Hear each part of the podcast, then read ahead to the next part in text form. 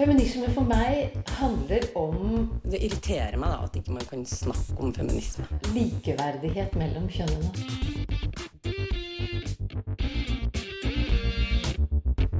Det blikket på kvinnen på film. handlet det om å bli tatt på alvor som jente. Du hører på Et eget rom på Radio Nova. Der noen blir henrykt av at man viser hensyn til kjønnsnøytrale pronomen, syns andre at det er helt hensiktsløs og ønsker at hele diskusjonen skal henlegges. Men hva er egentlig pronomen, og hvorfor spiller de noen rolle?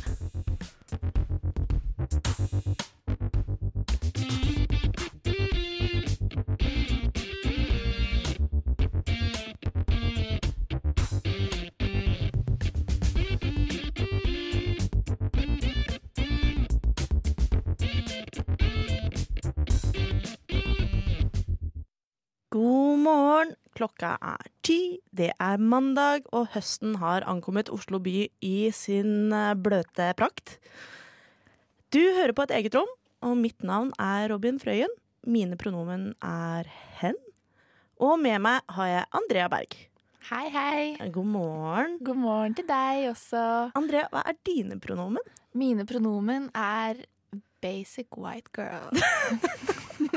Så hver gang eh, vi snakker om Andrea i past tense, eller når du ikke er her, så Ja, det er eh, Det er ja, Kjenner du Andrea? Det, det er basic white bitch. eh, Andrea som eh, er redaksjonsleder for et eget rom. Jeg liker at du tok det fra girl til bitch veldig fort. Jeg tror jeg bare tenker basic bitch ganske automatisk. Ja, naturlig. Ja. Ja. Det, der må du jobbe med holdningene dine. Jeg tror det bare Nei, det, det handler om min egen eh, forkjærlighet for pumpkin spice lattes, og at jeg kaller meg selv en basic bitch med jevne mellomrom. Uh, Innafor. Innafor. Ja, nei, jeg bruker eh, hun og henne. Ja. Mm.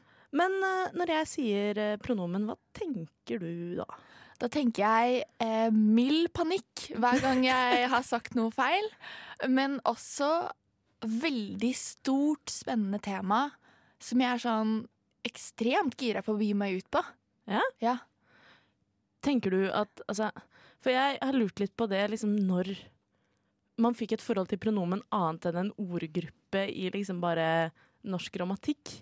Har du tenkt noe altså, Kan du liksom huske når det skiftet skjedde? At det gikk fra bare å være liksom en substantiv, adjektiv, pronomen til å bli noe, et stort tema man er engasjert for, da?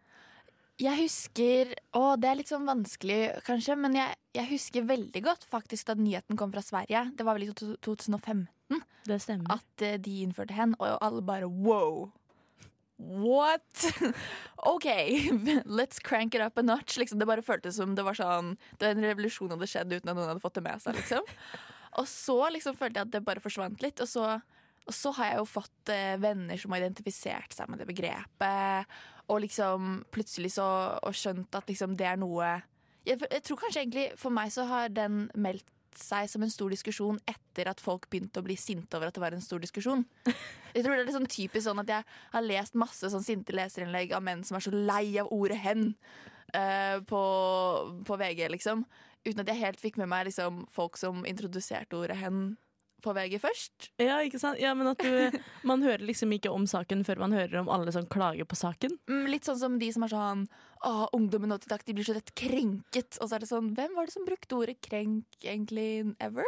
Ikke sant? Ja, nei, det, jeg kan kjenne meg igjen i det. Og i dagens sending så skal vi se litt nærmere på denne lille grammatiske ordklassa. Og se litt på hvorfor den spiller en større rolle for noen enn den gjør for andre, da. Men siden dagens sending strengt tatt handler om hvordan det er å være litt sånn kjønnsskeiv og normbrytende, så har vi sørget for at vi bare spiller musikk fra kjønnsskeive artister denne timen. Og første artisten ut er Q-Folk fra Liverpool, som beskriver musikken sin som møtepunktet mellom Britney Spears og Tom Waits. Her med låta Non-Binary Fantasy Trash Babe.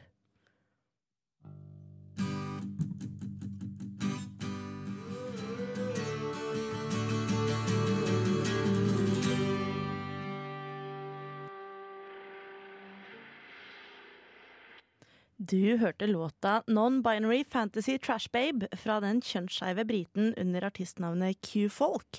Og fortvil ikke, dersom du hører på denne sendinga som podkast, så legger vi ut en spilleliste med alle låtene vi har spilt i dag, på et eget Romsim Facebook-side. I dag snakker jeg, Robin Frøyen, med eh, min makker Andrea Berg om pronomen. Eh, og litt av grunnen til at pronomen ble liksom aktualisert, det var en popartist som 13. september postet på Instagram. Uh, har du noe kjennskap til denne saken, Andrea? Om jeg har kjennskap til denne saken? Den har jo bare rystet hele verden. uh, og fått alle uh, basic white bitches som meg til å bare være sånn Å nei, nå, ok, ja, nå må vi lære oss dette her, da. OK! Ja, det er jo snakk om The Dreamboat themselves, Sam Smith. Nå hørtes det ut som du hadde glemt navnet. Det var så mye introduksjon. Nei, jeg kan ikke glemme. Nei. never forget. Det var eh, Sam Smith som la ut på Instagram at eh, de vil eh, at de vil at folk skal bruke they them i omtale om musikken deres. Så uh, på norsk så sier jeg de dem, for det er den direkte oversettelsen. Men det kan vi jo snakke mer om senere i sendingen. Men det er jo sånn at Sam Smith kom ut som ikke-binær ganske mye tidligere. Sam Smith kom ut som ikke-binær i oktober 2017. Og er en av opptil flere kjendiser vi veit om som er ute av skapet som ikke-binære. Eh, som blant annet eh, den strålende Jonathan Van Ness fra Queer Eye. Også kjent som Gay Jesus. Ja, Jeg føler det nesten korser meg liksom, bare hører navnet hennes. Ja, eh, og eh, det er vel også Watson Lackland som spiller i eh, Sabrina-serien på Netflix, er også ute som ikke-binær. Og kanskje den mest berømte er Miley Cyrus, som har gått ut eh, for en stund tilbake og sagt at uh, kjønn er ikke så viktig. Noen ganger føler han seg litt mer jente, andre ganger føler han seg litt mer gutt. Og det, sånn er det bare. Og det er interessant også når du sier det, så bytter du han seg mer gutt, hun seg mer jente, i én setning. Det er badass. Det er next level. Det er litt sånn moro. uh, å leke litt med det hele. Men nei, så det som er interessant, er jo at ingen av disse andre kjendisene, og heller ikke Sam Smith før nå 13. september, har gått ut og sagt noe om pronomen. Uh, og jeg lurer liksom litt på hva som kan være grunnen til det. Ja, altså det, det der med å introdusere pronomen for meg er kanskje noe av det mest fascinerende med hele diskusjonen. Uh, fordi sånn som jeg har skjønt det på mine venner som bruker hen, og der er jo du god, eh, sier sånn Hei, jeg heter Robin, jeg bruker hen. Altså sånn ganske ofte. Og at man også jo egentlig burde gjøre det, alle sammen. Ikke bare at det er noe dere skal føle at dere må gjøre. Eh, men eh, det for meg er sånn Så mye går jo ikke jeg og tenker på mitt eget kjønn, for jeg har jo alltid passet inn i det kjønnet som ble gitt meg.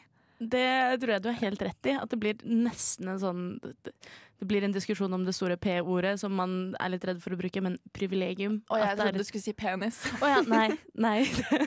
For en gangs skyld. Nei. For en gangs skyld. Uh, men om privilegier og dette med at hvis man selv ikke er utsatt for det, så er man på en måte ikke tvunget til å ta stilling til det.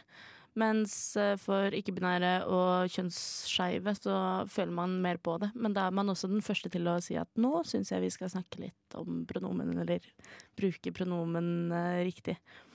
Ja, og det, er jo litt, det sier jo litt om den der eh, situasjonen man er i som når man tilhører en mindre privi- privilegert gruppe, som den plagsomme personen som må ødelegge festen for å snakke om ordboksdefinisjoner og politikk. Nei, men Så fint, Andrea, at du eh, tok opp ordbokdefinisjoner. Jeg tenkte nemlig å ta en kjapp ordbokdefinisjon av ordet pronomen. For jeg føler at det hender at Litt som vi snakket om i introduksjonen, at pronomen snakker vi ofte om nå som en sånn her svevende politisk debatt. Men pronomen er jo i utgangspunktet en grammatisk ordgruppe. Litt sånn vi husker fra norsktimene på ungdomsskolen og videregående at vi kan substantiv, vi kan adjektiv og verb osv. Og, så og inni der, vi har ti ordgrupper på norsk, en av dem er pronomen. Og slik det blir definert i ordboka, eh, så står pronomen som et ord som brukes til å beskrive et annet ord. Gir det mening? Som i adjektiver? Eh, det er nok eh, tenkt, selv om det genuint står ord som beskriver andre ord, eh, så er det ment som et tilbakebeskrivende ord som ofte brukes som substantiv. Eh, så det er da snakk om at heller enn å si Andrea fire ganger i en setning, så sier man Andrea sitter her, hun har rødt hår, hun er kul og hyggelig. Oh. heller enn å si Andrea sitter her, Andrea har rødt hår, Andrea er kul og hyggelig. Det syns jeg egentlig var enda bedre. Andrea er kul, Andrea er hyggelig. Andrea er smart. Så skal jeg begynne å snakke om meg selv, egentlig. Men, men gir det mening? Det gir mening. Forstår vi hva pronomen er? Ja. Det var litt sånn definisjon som Kan du definere skole? Skole er sånn sted hvor man er på skolen. Type definisjon. Men, men ja, jeg tror jeg skjønner hva du mener. Mm. Eh, og da også har jeg jo veldig lyst til å legge til sidenoten om at pronomen og hen, som da er eh, innafor kategorien pronomen, hen er ikke et substantiv. Man er ikke en hen. Man bruker hen. Ja, sant. Det er noe med det. Mm. Det, har vi, mm. det er noen som trenger å høre det der Yes. ute et sted. Da, oi, da setter jeg meg opp på stolen, og så tenker jeg at uh, vi skal uh, høre litt om flere som uh, har snakket litt om hvordan det er å ha uh, pronomen utenom det vanlige.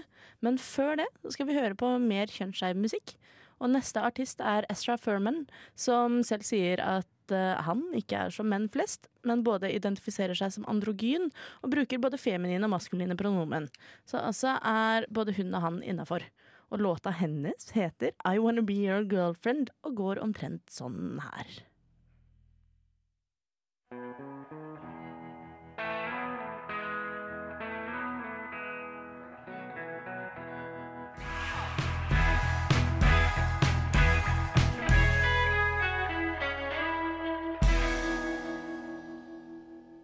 Det var låta I Wanna Be Your Girlfriend av kjønnsskeiv artist Ezra Furman. Du hører på et eget rom, og vi snakker om pronomen. Det er flere enn oss som kan snakke om pronomen. Og når man diskuterer noe som omhandler minoriteter, er det få som kan snakke bedre om temaet enn dem det gjelder. Derfor valgte jeg å stikke ut som følere på ulike fora for ikke-binære personer i Norge, og høre om det var noen som kunne tenke seg å komme med innspill til denne sendingen. Til min store glede var det mange som kunne tenke seg å bidra, og jeg valgte å intervjue fire av dem. Så i dette todelte intervjuet forteller Chris Bue, August Løken, Luca Ovedi Amundsen og Jane Victorus Gipling Bondsaksen om sine erfaringer med ikke-normative pronomen.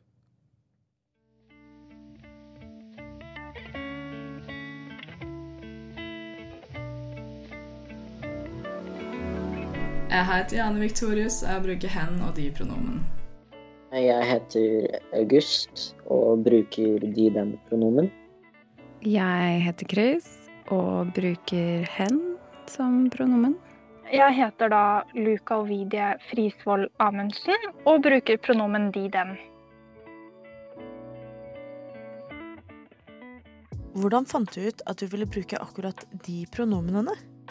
Det fant jeg ut ved veldig mye prøving fram og tilbake på å finne ut av hva jeg ville identifisere meg som, og til slutt fant ut at det var det som føltes mest riktig for meg.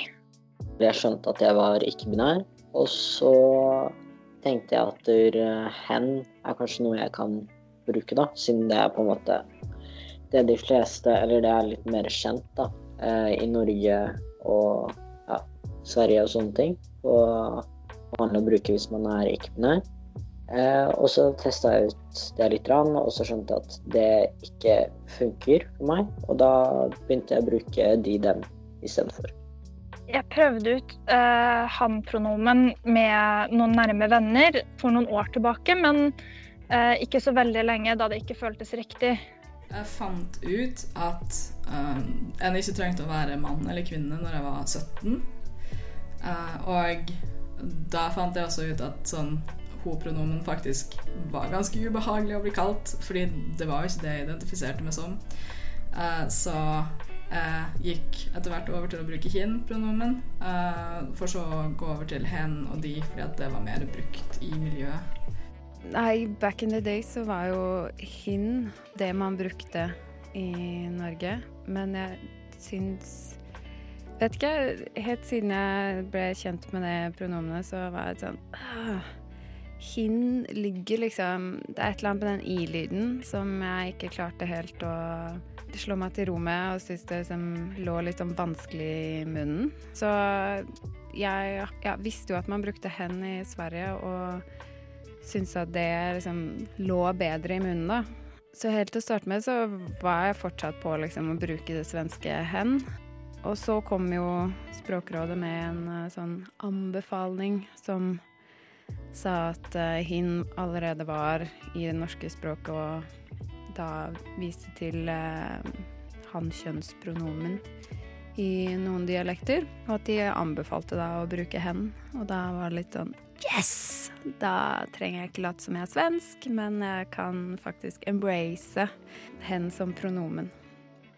Flere folk har uh, hørt om hen, og det er på en måte litt Det er litt lettere for folk da, å bruke Det er på en måte litt mer grammatisk korrekt, da, føler folk. At det blir lettere å få inn i talen sin eller når man snakker, da, for det er så likt han og hun, da, på en måte.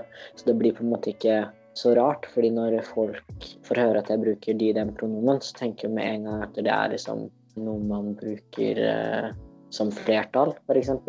Og da blir det på en måte litt sånn vrient for folk da, å bruke det for en enkel person. Blir du påvirka av kjønnet språk rundt deg?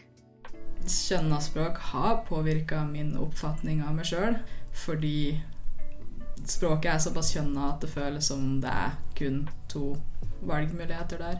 Det er jo en av grunnene til at det tok meg en god stund å finne ut at det å være ikke-binær var en mulighet. Så samfunnets oppfatning av kjønn er jo definitivt forma av språk, eh, og det er jo ikke positivt for dem som bryter kjønnsnormene på den måten.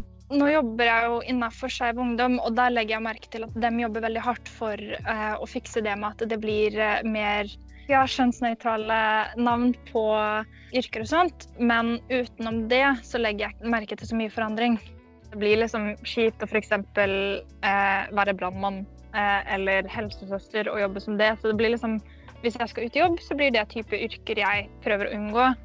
Jeg tenker det er greit å bruke nøytrale begreper, sånn som at man har gjort om helsesøster til helsesykepleier f.eks., er jo veldig mye mer inkluderende. Jeg har på en måte begynt å legge mer merke til det etter jeg kom ut som ikke-binær. For jeg var liksom Altså, jeg har jo tenkt over det ganske mye siden jeg er feminist. Så jeg har liksom reagert på at det er så mye mann på en måte i språket vårt da, på visse ting. At det på en måte er skjønna, men ikke i like stor grad som nå. Fordi nå er det litt mer sånn at jeg legger merke til at alt skal være skjønna, og det er litt sånn Det gir jo virkelig ikke mening, da. Jeg tenker jo at man veldig ofte overkjønner mange situasjoner. Mange har en sånn tendens til å skulle si hei, jenter, hei, gutter. Nå skal vi gutta på tur, eller vi skal ha jentefest. Det jeg vil kalle overkjønning, da, at man skal altså kjønne folk i enhver situasjon, og at, det er en veldig sånn Vet ikke, sikkert en positiv, anerkjennende måte å snakke til folk på. Som jo for min del blir veldig problematisk. I det daglige for min egen del så er det mer den derre overkjønninga av situasjoner og hilsener og ja Som jeg opplever som mer sånn problematisk, og som påvirker meg på en negativ eh, måte. Nettopp ved at det fullstendig ekskluderer meg, da. Ja. Der hørte vi første halvdel av et intervju med fire personer som bruker ulike ja, hva skal man si, ikke-normative pronomen. Eh, to av dem bruker hen, og to bruker de-dem-pronomen. Andrea, syns du vi overkjønner? Oi.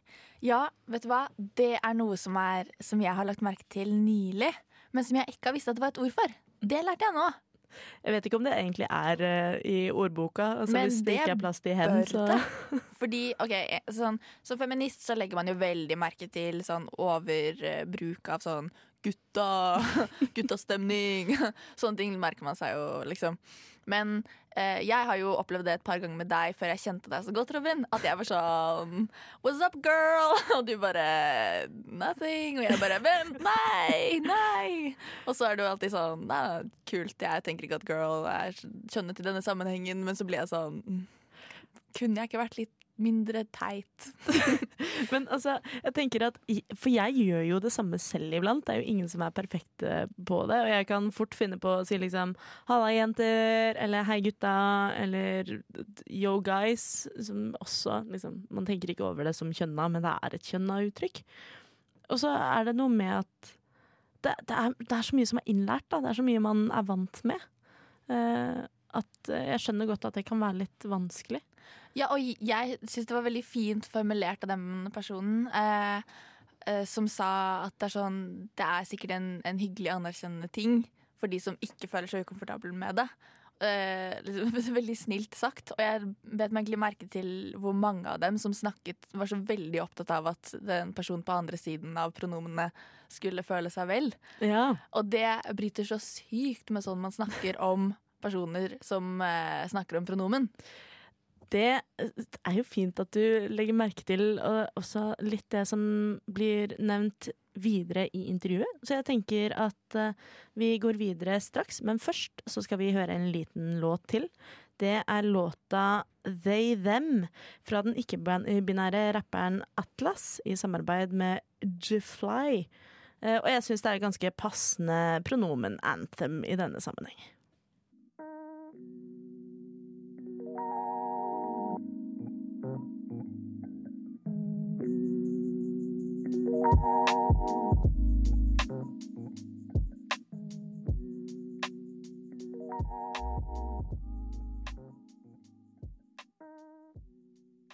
Det var låta They Them fra rapperen Atlas sammen med Jay Fly. Og vi er eh, egentlig i gang med å høre og diskutere litt om et eh, intervju jeg gjorde med fire personer som bruker pronomen litt utenom det vanlige.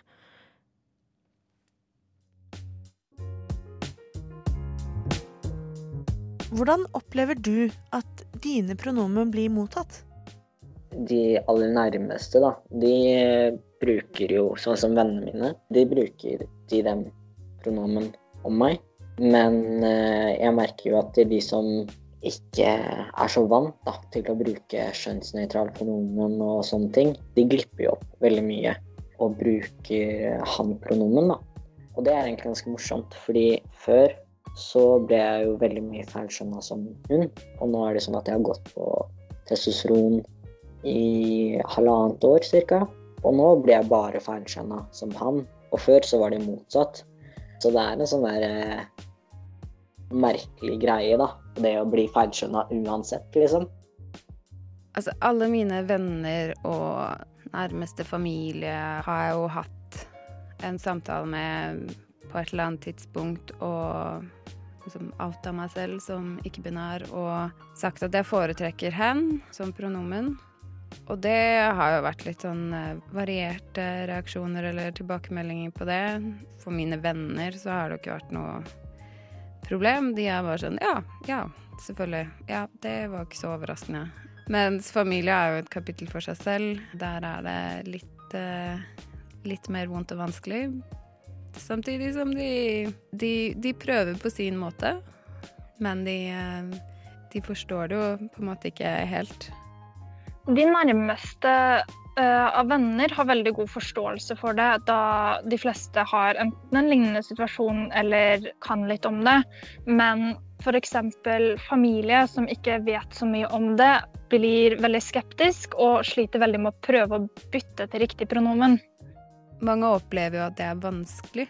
Vanskelig å ta inn et nytt pronomen i sitt eget språk og liksom øve på det eller tenke på det fordi det er så langt vekk fra det de er vant til, og at man går veldig sånn på autopilot i forhold til den overkjønninga og kjønning generelt. Og så er det noen som på en måte bare Ja, OK. Det er litt diverse mottagelse. Mange velger å ignorere det. Jeg har hatt en lærer på Det var ikke en lærer, det var en sensor på videregående som reagerte med skrekk når jeg uh, fortalte at jeg brukte hen-pronomen uh, på eksamen. Jeg bare går opp til sensor. Hei, jeg heter Jan Victorius. Jeg bruker hen-pronomen. Ansiktsuttrykket til den sensoren var jo sånn rein skrekk. Jeg tror det bare har blitt en sånn der eh, greie med at jeg blir veldig redd da, for å, at folk eh, ikke aksepterer meg. da. Og da lar jeg heller være, på en måte, enn å faktisk ta, ta den praten. Og det er jo egentlig skikkelig teit og dust at jeg venter mye lenger eh, om å si ifra.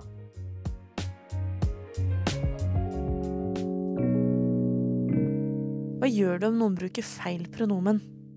Det kommer veldig an på kontekst. Er f.eks. i et møte på jobb, så gidder jeg ikke bruke veldig mye tid på det. Eh, med mindre det er en sånn Altså hvis det at de leser meg som kvinne er et problem for et eller annet vi diskuterer ellers, hvis jeg møter noen på gata eller eh, er i butikken eller altså Hun kan gå før meg eller den type ting, så gidder jeg ikke akkurat stå der og Hen! Hen! Det er ikke alle jeg tør. eh, Så veldig ofte hvis det f.eks. er fremmedfolk på gata, så tør jeg ikke si noe.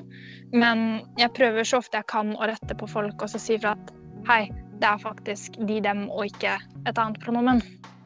Det kommer litt an på situasjonen, for jeg tenker sånn OK, er det her bare personer som jeg virkelig ikke trenger å forholde meg til sånn daglig, da, eller som er noe som jeg kommer til å anse som vennene mine etter hvert, f.eks. Eh, da pleier jeg egentlig bare å la det gå, for jeg orker ikke å ta den diskusjonen og bruke tida mi på det. Jeg hadde brukt veldig mye energi på det i løpet av en dag hvis jeg skulle drevet og rette på alle hele tiden, eller informere dem da, om det. Så jeg pleier egentlig bare å la det gå.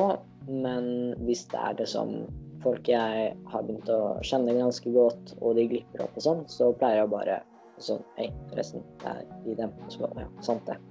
Og så er det ikke noe stress, liksom.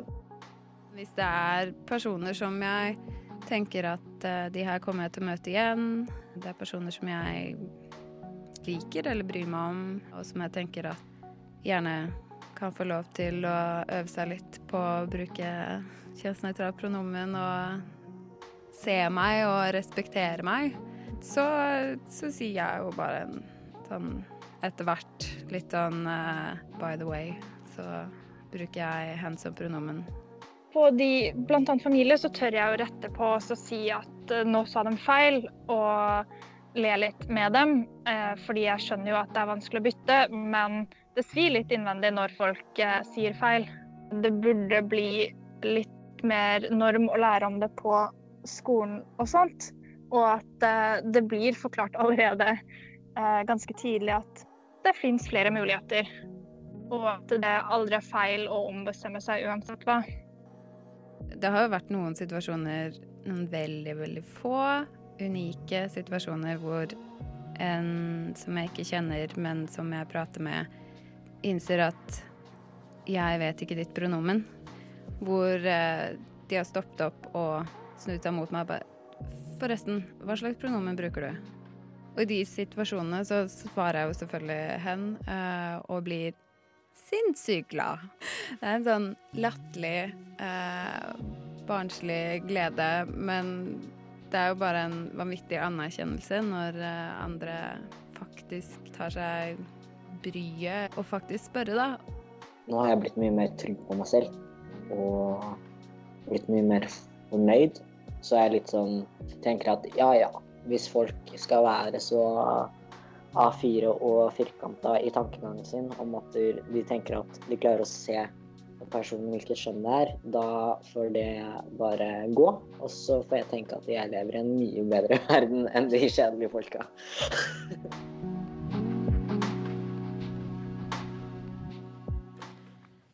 Tusen takk til intervjuobjektene. Det høres fælt ut å kalle dem objekter, men tusen takk til de som stilte opp. Takk til August, til Jane Victorius, til Luca og til Chris. Så jeg var jo til stede på disse intervjuene og sittet og redigert litt, så jeg eh, har jo hørt det ganske mange ganger. Men du, Andrea, hva tenker du om det de sa? Oi, det var jo veldig, veldig mye klokt som ble sagt eh, på kort tid der. Eh, jeg syns Åh, jeg vet ikke helt hva jeg skal trekke frem engang. Jeg syns kanskje den Jeg kjenner meg veldig igjen når de snakker om eh, hvordan de håndterer folk som ikke aksepterer det. Liksom En som sier sånn 'jeg velger å ignorere'. Eh, den personen Jeg orker ikke bruke min tid på det. Kjenner jeg meg jo igjen med, fra mange feminismekrangler som jeg har vært i. liksom Og så kan jeg bare tenke meg hvordan det, hvor mye verre det må være når det går på identitet. da um, Ja, Ja. Og det er i grunnen kjempeinteressant. Eh, For jeg så på eh, en spørreundersøkelse som ble gjort i USA i 2015, kalt The US Transgender Survey. Eh, Som jeg brukte for så vidt i eh, min egen masteroppgave. Og der ble det vist at eh, For det første så ble det vist at 35% av alle som deltok, var ikke-binære. Og det var flere enn transkvinner, som var 33% og flere enn transmenn, som var 29% Så ikke-binære var i 2015 majoriteten av de som svarte på den undersøkelsen, av 28 000 som svarte. Og av dem så var det også 44% som sa det, at når folk tar feil, så pleier de ikke å rette på dem. Eh, Og 86 sa at det er som regel fordi de ikke orker å bruke tid på det, og de tar det for gitt at folk ikke forstår eh, situasjonen, eller liksom ja, forstår konseptet ikke-binær, at de ikke forstår eh, eller har lyst til å forstå hva det går ut på. Og jeg tror det er litt, litt de samme tendensene til det vi hører i intervjuet også. Jeg er skikkelig dårlig på det selv òg. Jeg er kjempedårlig på å både be om at riktig pronomen blir brukt, og kjempedårlig til å rette. Jeg syns det er skikkelig kjipt. Og så er det litt det at man tror at man føler litt på at man får litt det her special snowflake-stempelet. At man har ikke lyst til å ta så mye plass og være så spess og liksom få spesialbehandling. Jeg tror det er litt derfor Sam Smith også er den første kjendisen til å gå ut og si hvilke pronomen den bruker. Jeg, tror, jeg tenker også sånn ehm, Jeg ser for meg at det er også Du er enten den irriterende personen som bruker hen, eller den kule personen som bruker hen. Eh, litt sånn For å generalisere, da. Det er jo alltid liksom folk som, er, som ikke skjønner, eller som er kule med ting. Men sånn Jeg føler at veldig ofte så er folk sånn Åh, det er så nice med folk som bruker hen, som er så kule. Som bare, de bare forstår, liksom. De er så, de er så ja, også, og det gjør jo jeg også ofte. At jeg er sånn Åh, takk for at du er så chill, Robin, når jeg dummer meg ut, som jeg gjør 100 ganger om dagen. Um, men det er jo ganske mye å kreve av deg og andre personer som bruker hen, eller andre um, alternativer. Eh, og skulle hele tiden være sånn forståelsesfull og snill og grei når det oppleves som noen her beskriver det som, som et stikk, da, eller som noe som svir litt. Ja, ja, ja. Eh, og det er litt sånn blandede meninger om det. Det er jo flere som er enig i det. At det, liksom ikke, det burde ikke være minoritetens oppgave å opplyse majoriteten, på en måte. Men um, August, som deltok i intervjuet, la til en kommentar eh, i etterkant om akkurat det. At det er liksom Noen må jo tørre å stå fram og være litt forgjengere og uh, si litt hvor skapet står, da. Og si at uh, ja, men du, nå sa du feil, jeg bruker hen, eller jeg bruker de, dem.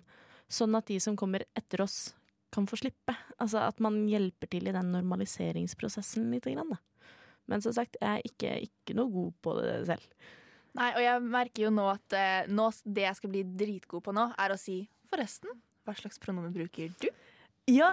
Ja, for det er jo kjempefint. Eh, Jeg var på utveksling i Storbritannia, i Brighton. eh, Storbritannias eh, San Francisco, the queer capital.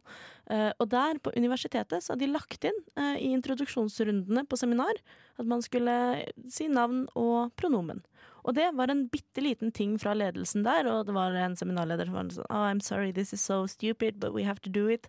Og jeg sitter der og har liksom bare sånn jubel inni meg, hvor det er Shit, jeg slipper å ta opp dette selv. Noen andre gjør det for meg. Det er dritkult.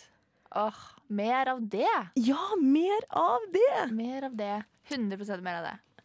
Men før vi får mer av det, så skal vi høre ei lita låt. Vi skal høre eh, en låt av Du husker kanskje bandet Anthony and the Johnson, som annet holdt konsert på Operataket i Oslo i 2009. Frontfiguren der går nå under navnet Anhoni og bruker feminine pronomen. Hun har et soloprosjekt under navnet Anhoni, og her får du låta Why Did You Separate Me From The Earth. Why did you separate me from the earth?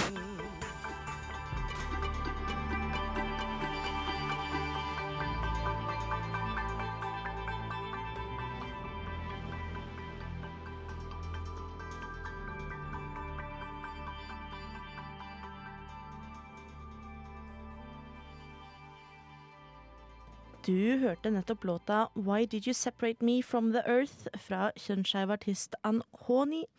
Og Nei. jeg er frelst. Anoni er det for øvrig. Jeg sier feil. Anoni. Eh, så fint, da! Ja, altså i det hele tatt Dette konseptet du- du kjører i dag, er jo dritkult, men wow!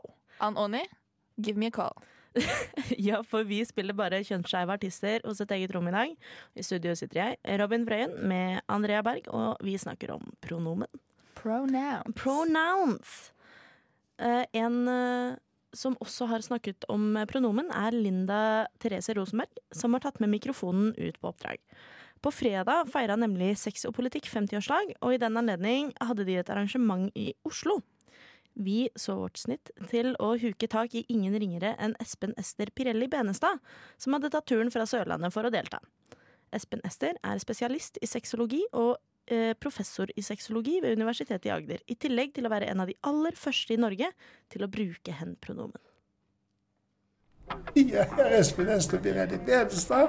Jeg er lege, familieterapeut, er spesialist i klinisk sexologi, er professor i sexologi. Far, stolte far til to barn, er besteforelder til fem, gift og transbegravet. Jeg identifiserer meg med hen, eh, men innser at jo eldre man er blitt, dess vanskeligere er det å tegne et nytt pronomen. Så jeg strever litt med det selv, men det kommer seg. Ja. Ja. Kan du utdype det siste der? Jo, fordi eh, Og dette er jo en, en alvorlig innrømmelse og selvbekjennelse på en måte. For det at når jeg tenker om meg selv, så er det så vidt jeg får til å bruke 'hen'. For da henger noen gamle, ekle pronomen igjen der inne i tankene mine. Og så tenker jeg OK, Espen Ester, hvis ikke du kan få det helt til i tankene dine, så skal du iallfall ikke bli sint på de som ikke får det til ellers. Men du skal være ærlig på de som ikke forsøker. Som ikke tar det på alvor. Og som ikke skjønner at alle mennesker trenger ord som de kan identifisere seg med. Men dette med hen, når var det det dukket opp eh, hos deg? I mitt liv så dukka nok det opp jeg vil tro på 1990-tallet. Og da på, i engelsk utgave, hvor, hvor det heter 'here'. Det er dessverre ikke så mye brukt. altså 'they' er kommet inn i stedet. Men eh, det er en, en bok som heter 'Transex You All'. eh, Skrevet bl.a. av en som heter Tracy O'Keefe. Og Tracy tilbyr da dette ekstrapronomen for de av oss som trenger det.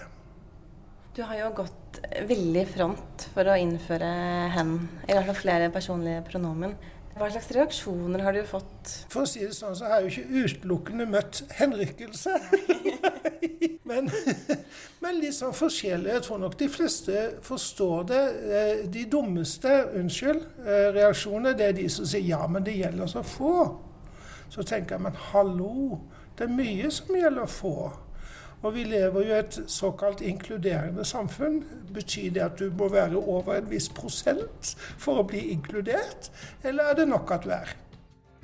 På spørsmål om hvordan denne debatten har endret seg gjennom årene, forteller Espen Ester at nordmenn har vist seg å være bedre enn sitt rykte på transfeltet generelt. Helsesektoren er han derimot mindre begeistret for. Når det gjelder akkurat transfeltet, da, så har vi jo hatt en ulykkelig situasjon med et monopol som har vært forvaltet av folk med lite kompetanse og med stor, så stor engstelse for å gjøre noe galt at de gjør gale ting hele tiden. Og det har jo vart ved. I over 60 år har transpersoner blitt psykiatrisert og sykeliggjort i møte med helsevesenet. Men tidligere i år vedtok Verdens helseorganisasjon å fjerne transdiagnosene fra det medisinske diagnosesystemet. Et paradigmeskifte, ifølge Espen Ester. Så det henger litt igjen fordi at helsedelen henger litt igjen? Ja, det gjør den. Hvis du tenker deg at ord er speil. Ord er speil som vi kjenner oss igjen i. I beste fall kjenner oss veldig godt igjen i. Og i verste fall så fins det ikke ord. Og hvis ordet som du kan gjenkjenne deg i, ikke finnes, så er det som å stille seg foran et speil uten at det blir noe speilbilde. Man blir borte. Og vedkommende, det å være vedkommende, er ikke stas. Så hvis du kan klare eh, å få det ordet til å bli smigrende, så gjerne for meg. Men jeg tror ikke du får det til. Og jeg, og jeg forstår på en måte ikke motstand. Det er jo ingen som tar noe fra noen her. Vi har hun, og vi har han. Og så får vi et i tillegg. Debatten videre må føres av de som har kompetanse på feltet, er beskjeden fra Espen Ester. Hen har gått gjennom læreplanen for medisinstudiet i Oslo, og av 2000 sider obligatorisk pensum om psykiatri var kun en halv side viet til dette feltet. Og den yrkesgruppa setter man da til å få eneansvar for å jobbe med dette. Og Det betyr at man går inn i dette med synsing, med følelser. Vanskelig å forstå at noen kan ha lyst til dette her. Det må jo være noe gærent med dem. Må, de må jo være litt gale i hodet. Og da går det dit pepperen gror, altså. Sånn som jeg tenker det, så er kjønn en hellig ku i vår kultur. Så jeg tror det har noe med det å gjøre, at det er så fryktelig hellig for oss at det skal vi ikke flytte på. Men som art har vi vært i stand til å skjønne at jorda var ikke flat, men kuleformet, så vi skal vel klare den også, syns jeg.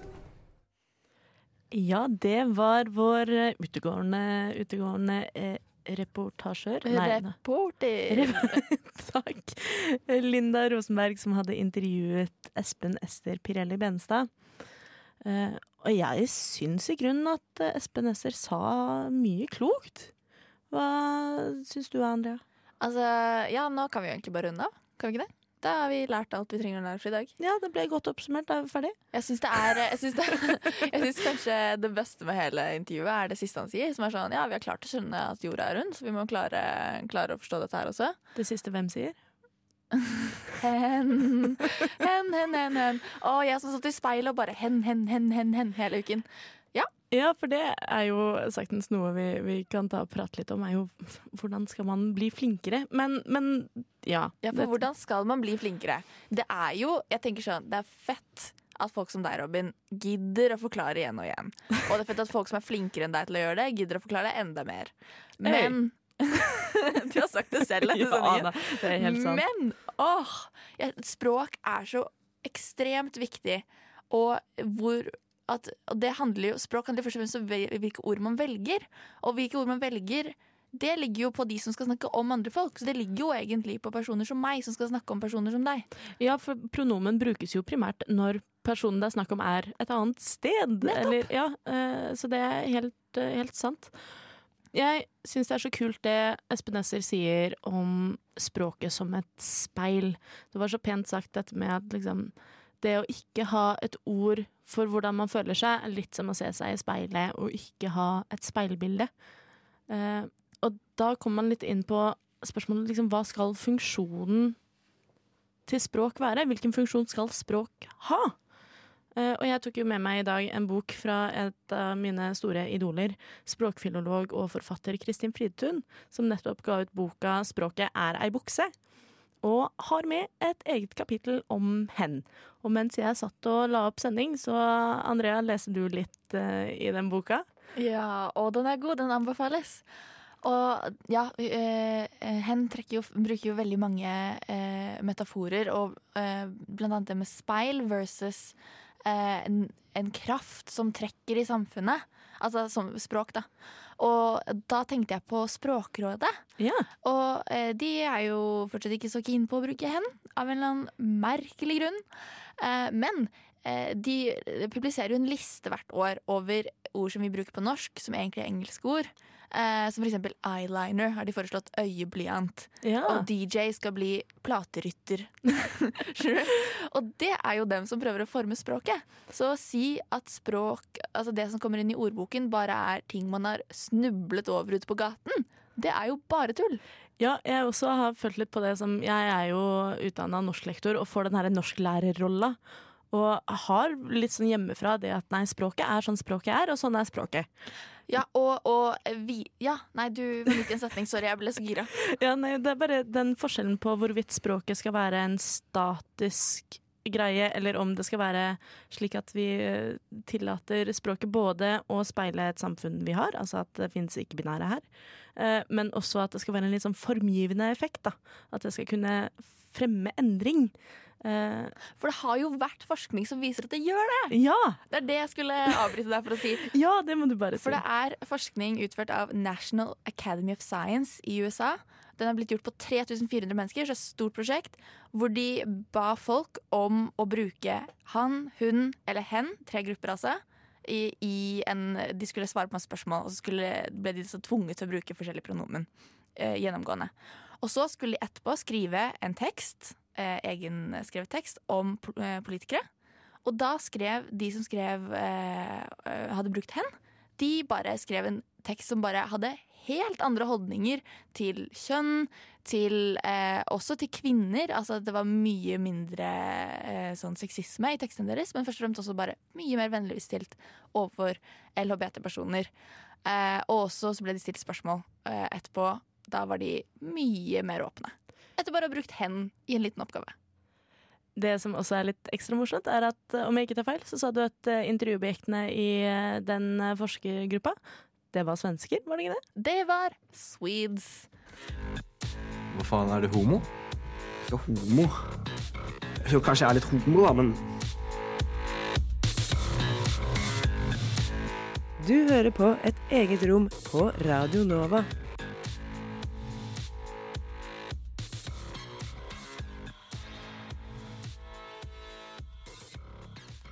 Ja, du hører på Radio Nova, og vi har prata om pronomen i et eget rom.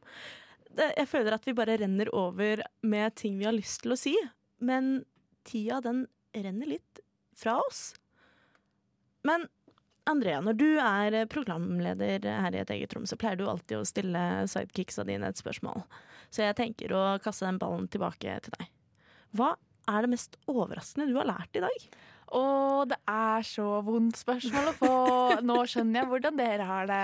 Eh, kan jeg eh, si noe jeg har lært i dag utenfor studio? Ja, Er det, du, veldig, er det teit? du må si hvor du har det fra, da. Jeg har det fra den Kristin Fritun-boken som vi nettopp snakket om. Hvor hun sier språk er som bitte små rom.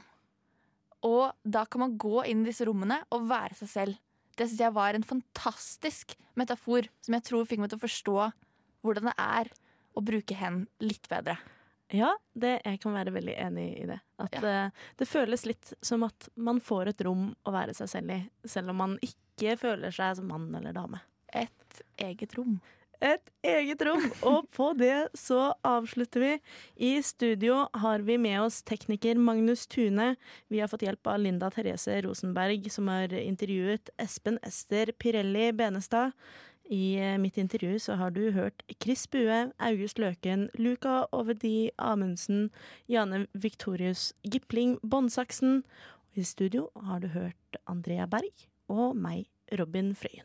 Nå får du eh, en avsluttende låt fra våre egne norske punkere, Intet skjønn.